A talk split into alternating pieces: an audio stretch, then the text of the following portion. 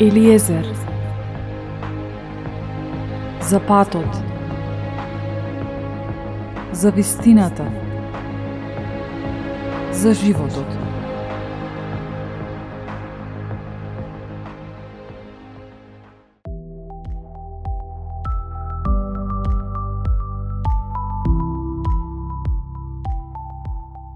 Добар ви ден, почитувани!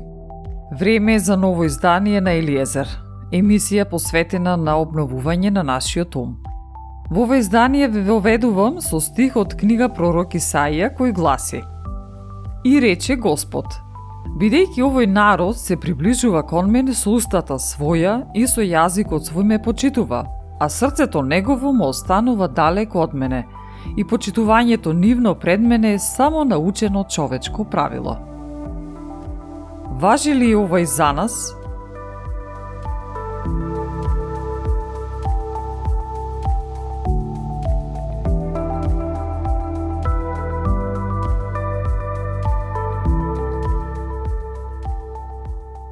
Кога сме меѓу други луѓе, ја играме улогата на правични верници, укажувајќи на Божиот збор како другиот треба да прави, да се однесува – Кога сме меѓу луѓе од светот, луѓе со поразлични ставови од нас, тогаш не играме улогата на верници, току улогата на луѓе од светот. Исус Христос не укажа дека ќе бидеме во светот, но нема да бидеме дел од него. А ние, што правиме?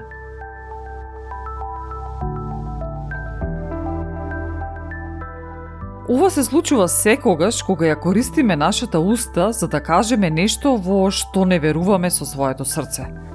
На секој од нас му е потребна реформација на срцето и животот. Божиот збор ќе ни помогне да направиме реформа во нашето срце и живот. Да го почитуваме нашиот небесен татко со нашиот карактер –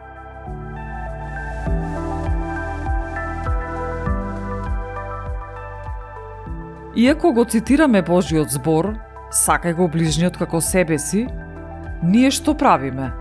Го сакаме ли ближниот како себе си или имаме нешто против ближниот? Мора да бидеме искрени спрема себе. Имаме ли омраза спрема ближниот, чувство за одмазда, клевета, лицемерие, дофрлување погредни зборови, негрижа,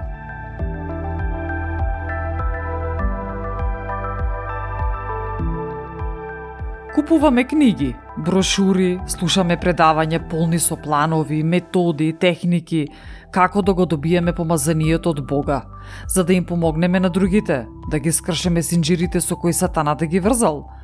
Но Божиот збор не учи дека помазанието не доаѓа преку плановите, техниките, методите, туку преку човек кој е соодветен и достоен за таа работа.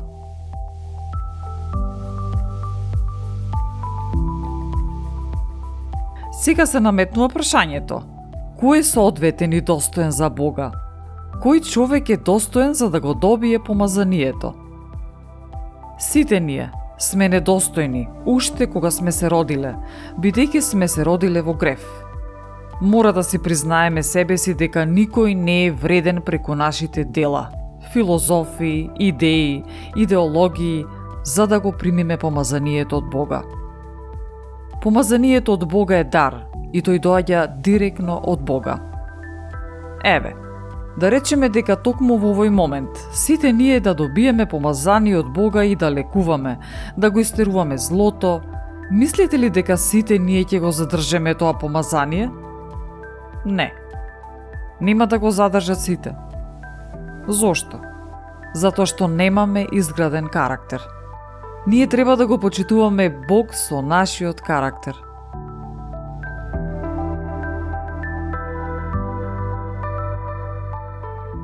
Помазанието од Бога е како пламен кој доаѓа од небесата. Како што пишува во апостолски дела дека кога апостолите го добија, односно се исполнија со светиот дух, пламен се појави над нивните глави. Нашиот карактер е маслото, горивото, за да го одржи помазанието во нашиот живот активно. Не секој карактер. Секој има различен карактер. Доколку карактерот не биде адаптиран на Божиот збор, тој не може да биде соодветен и достоен за да го одржи помазанието од Бога. Невозможно е. Например, им го проповедаме на луѓето Божиот збор, ги лекуваме, ги советуваме и после тоа да одиме и да направиме грев. Било тоа да го озборуваме другиот, да го колнеме, да пцуеме, да се однесуваме недолично и слично. И би можеле ли на таков начин да го одржеме помазанието? Гледаме колку едноставно. Ако беше лесно, секој ќе добиеше помазание, секој ќе беше пророк, Божи човек. Ако ние играме улогата на Божиот дете, ништо нема да се случи во нашиот живот. Токму заради тоа, многумина од нас доживуваат разочарување, губиток, сиромаштија, болест. Доживуваме се, само Божиот дух не.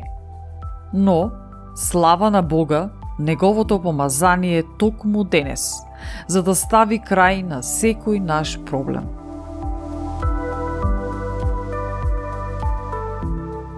Некои од нас имаат способност да инспирираат, некои знаат како да бидат пријателски настроени, а некои нешто сосем друго. Зошто тогаш тие луѓе не се вбројуваат во групата помазани луѓе? Сите тие вештини и способности не не квалификуваат за да бидеме помазани, туку она што не квалификува е послушноста на Божијата волја. А која е Божијата волја? Каде ја пишува? Во Светото Писмо. Секој човек е роден како бебе, па расте во возрасен човек. Што му е потребно на бебето да порасне? Храна, но и што друго? Време. Потребно е време за бебето па детето да созрее. Физичкиот раст зависи од времето. Интелектуалниот раст се должи на учењето – се додека човекот учи, напредува, а духовниот раст се должи на послушноста на Божијата волја. Не станува збор само за почитување на Бога со устата, туку послушност на Божиот збор. Во прво послание на апостол Петар, првата глава, пишува Поради тоа, возлюбени, притегнувајќи ги бедрата на умот свој, бидете бодри, Наполно надевајте се дека ќе ви се принесе благодата при јавувањето на Исуса Христа. Како послушни чеда, не постапувајте според поранешните наши похоти, кога бевте во незнаење, но по примерот на светецот кој ве повика, и вие самите бидете светци во сите ваши постапки. Оти е напишано, бидете свети, бидејќи јас сум свет. На што укажуваат овие стихови? На тоа дека треба да бидеме послушни, да бидеме свети како што нашиот небесен татко е свет. Еден човек кој имал проблем со пиењето алкохол долго време Бог го ослободува. Што треба да стори тој човек следно? Да внимава да не се врати на стариот живот. Во тоа се состои послушноста, да не се врати на поранешниот грев. Но, на пример, човекот ќе си рече, Па добро, убаво ми беше кога ќе се опијанев. Ќе се опуштев, ќе се развеселев, ќе се дружев со старото друштво. Ајде, ќе пробам пак, ама само малку. Од малку ништо нема. Сега произведуваат пиво со помалку проценти на алкохол, дури со 1%, па тоа не е ништо. И така, полека, полека човекот се враќа на старите навики на стариот живот. Апостол Петар пишува, како послушни чеда не постапувајте според поранешните похоти, кога бевте во незнаење. Сега, какво ќе биде нашето оправдување? Игнорантноста не е доволно оправдување. Не е правилно да речеме подобро е ништо да не знам за да не одговарам за ништо. Бог во својот збор вели – моите луѓе се уништени од недостаток на знаење. Човекот ќе исчезне како резултат на неговата игнорантност. Да се биде игнорантен е исто како да се биде во пустина без вода, храна и мапа. Како ќе бидеш спасен ако не знаеш каде одиш?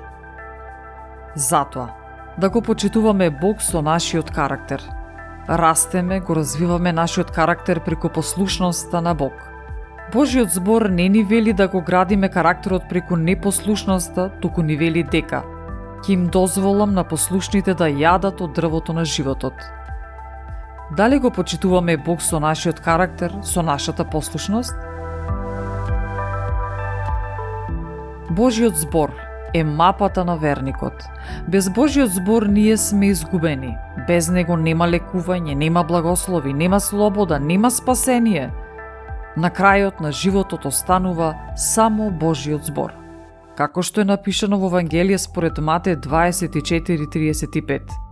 Небото и земјата ќе преминат, ама зборовите мои нема да преминат.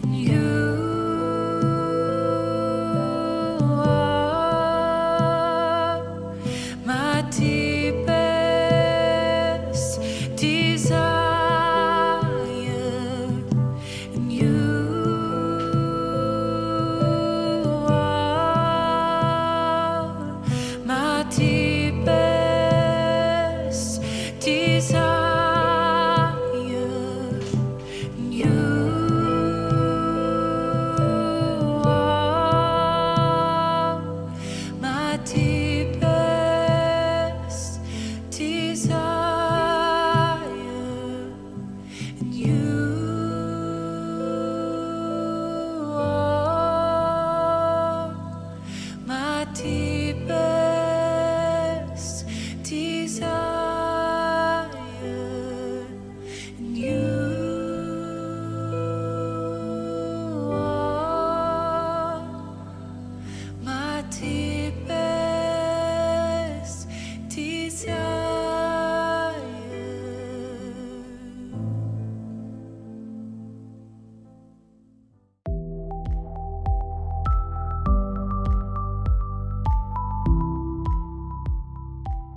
Исус Христос сака да биде вклучен во секој дел од нашиот живот. Тој знае дека стравот во одредени мигови ќе надвладе, затоа и ни вели. Се молам за да не падне вашата вера. Ќе постои страв од загуба, страв од болест, страв од неуспех, секаков страв. Стравот го менува фокусот. Стравот е поизмамлив непријател отколку самиот дјавол. Ситуацијата не убива, туку стравот убива. Стравот не запира да ја признаеме нашата вина.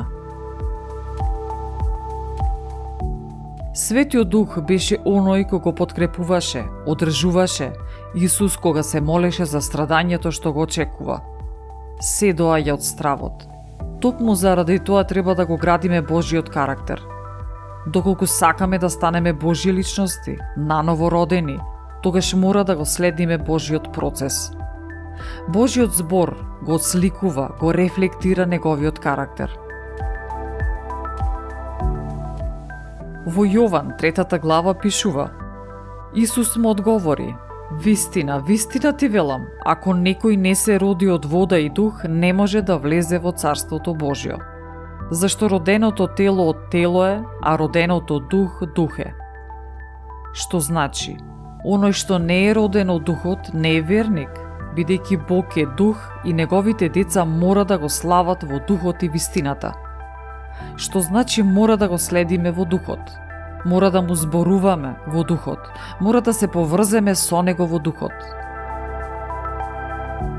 Во послание до римјаните 8 глава пишува Вие живеете не по тело, туку по дух.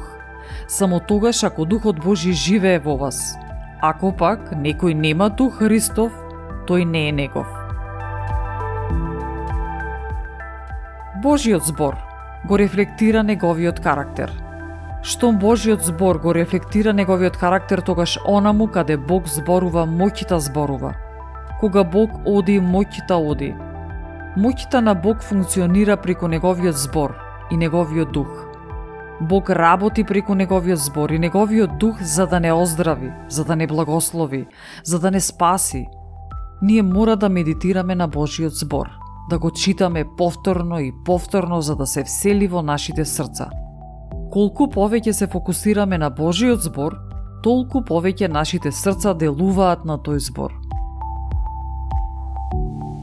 Божиот збор треба да биде дел од нас, треба да биде вткаен во секоја наша клетка, за да живееме според него. Што се случува во нашето срце? Без овој процес, нашиот карактер не може да биде под влијание и раководен од Божиот збор – Мора да имаме контрола над нашето срце. Во спротивно, ќе прави како што сака. Треба постојано да медитираме на Божиот збор. И така, се што ќе правиме ќе просперира. Без оглед на тоа каков е нашиот живот во моментов, треба да медитираме на Божиот збор секојдневно и на тој начин се што правиме ќе успева. Божиот дух ќе биде активиран во мера и до степен во кој нашето срце се однесува и живее според Божиот збор. Затоа, треба да се стремиме нашето срце да биде како Исус Христос. Што може да не оддели од Христовата љубов? Да запомнеме, Божиот дух ќе биде ослободен до степен во кој нашето срце реагира и делува на Божиот збор – Нашата доследност во молитва и верност се единствениот начин. Да се молиме во духот значи да се молиме во хармонија со Божиот збор. Непријателот, ѓаволот, не губи време за да скрои план против нас. Така и ние не треба да губиме време, туку целосно да се посветиме на Бога. Постојано да го славиме и да му се заблагодаруваме на Господ Бог, молејки се во нашето срце – Ти благодарам, Господи. Земи повеќе од мене, дај ми повеќе од Тебе. Земи повеќе од мене, дај ми повеќе од Тебе. Постојано. Пробивот во молитва значи пробив во верата, а пробивот во верата значи пробив со Бог.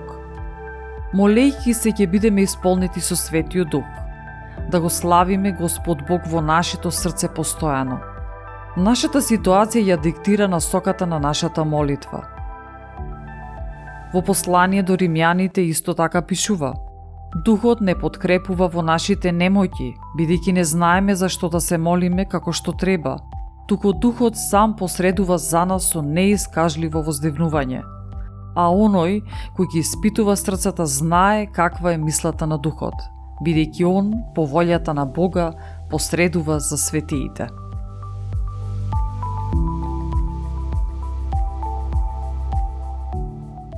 Драги мои, ве поздравувам и ви посакувам секое добро.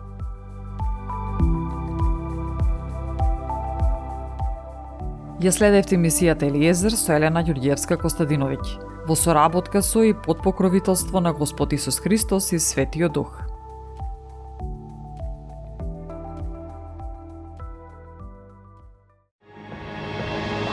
Елиезер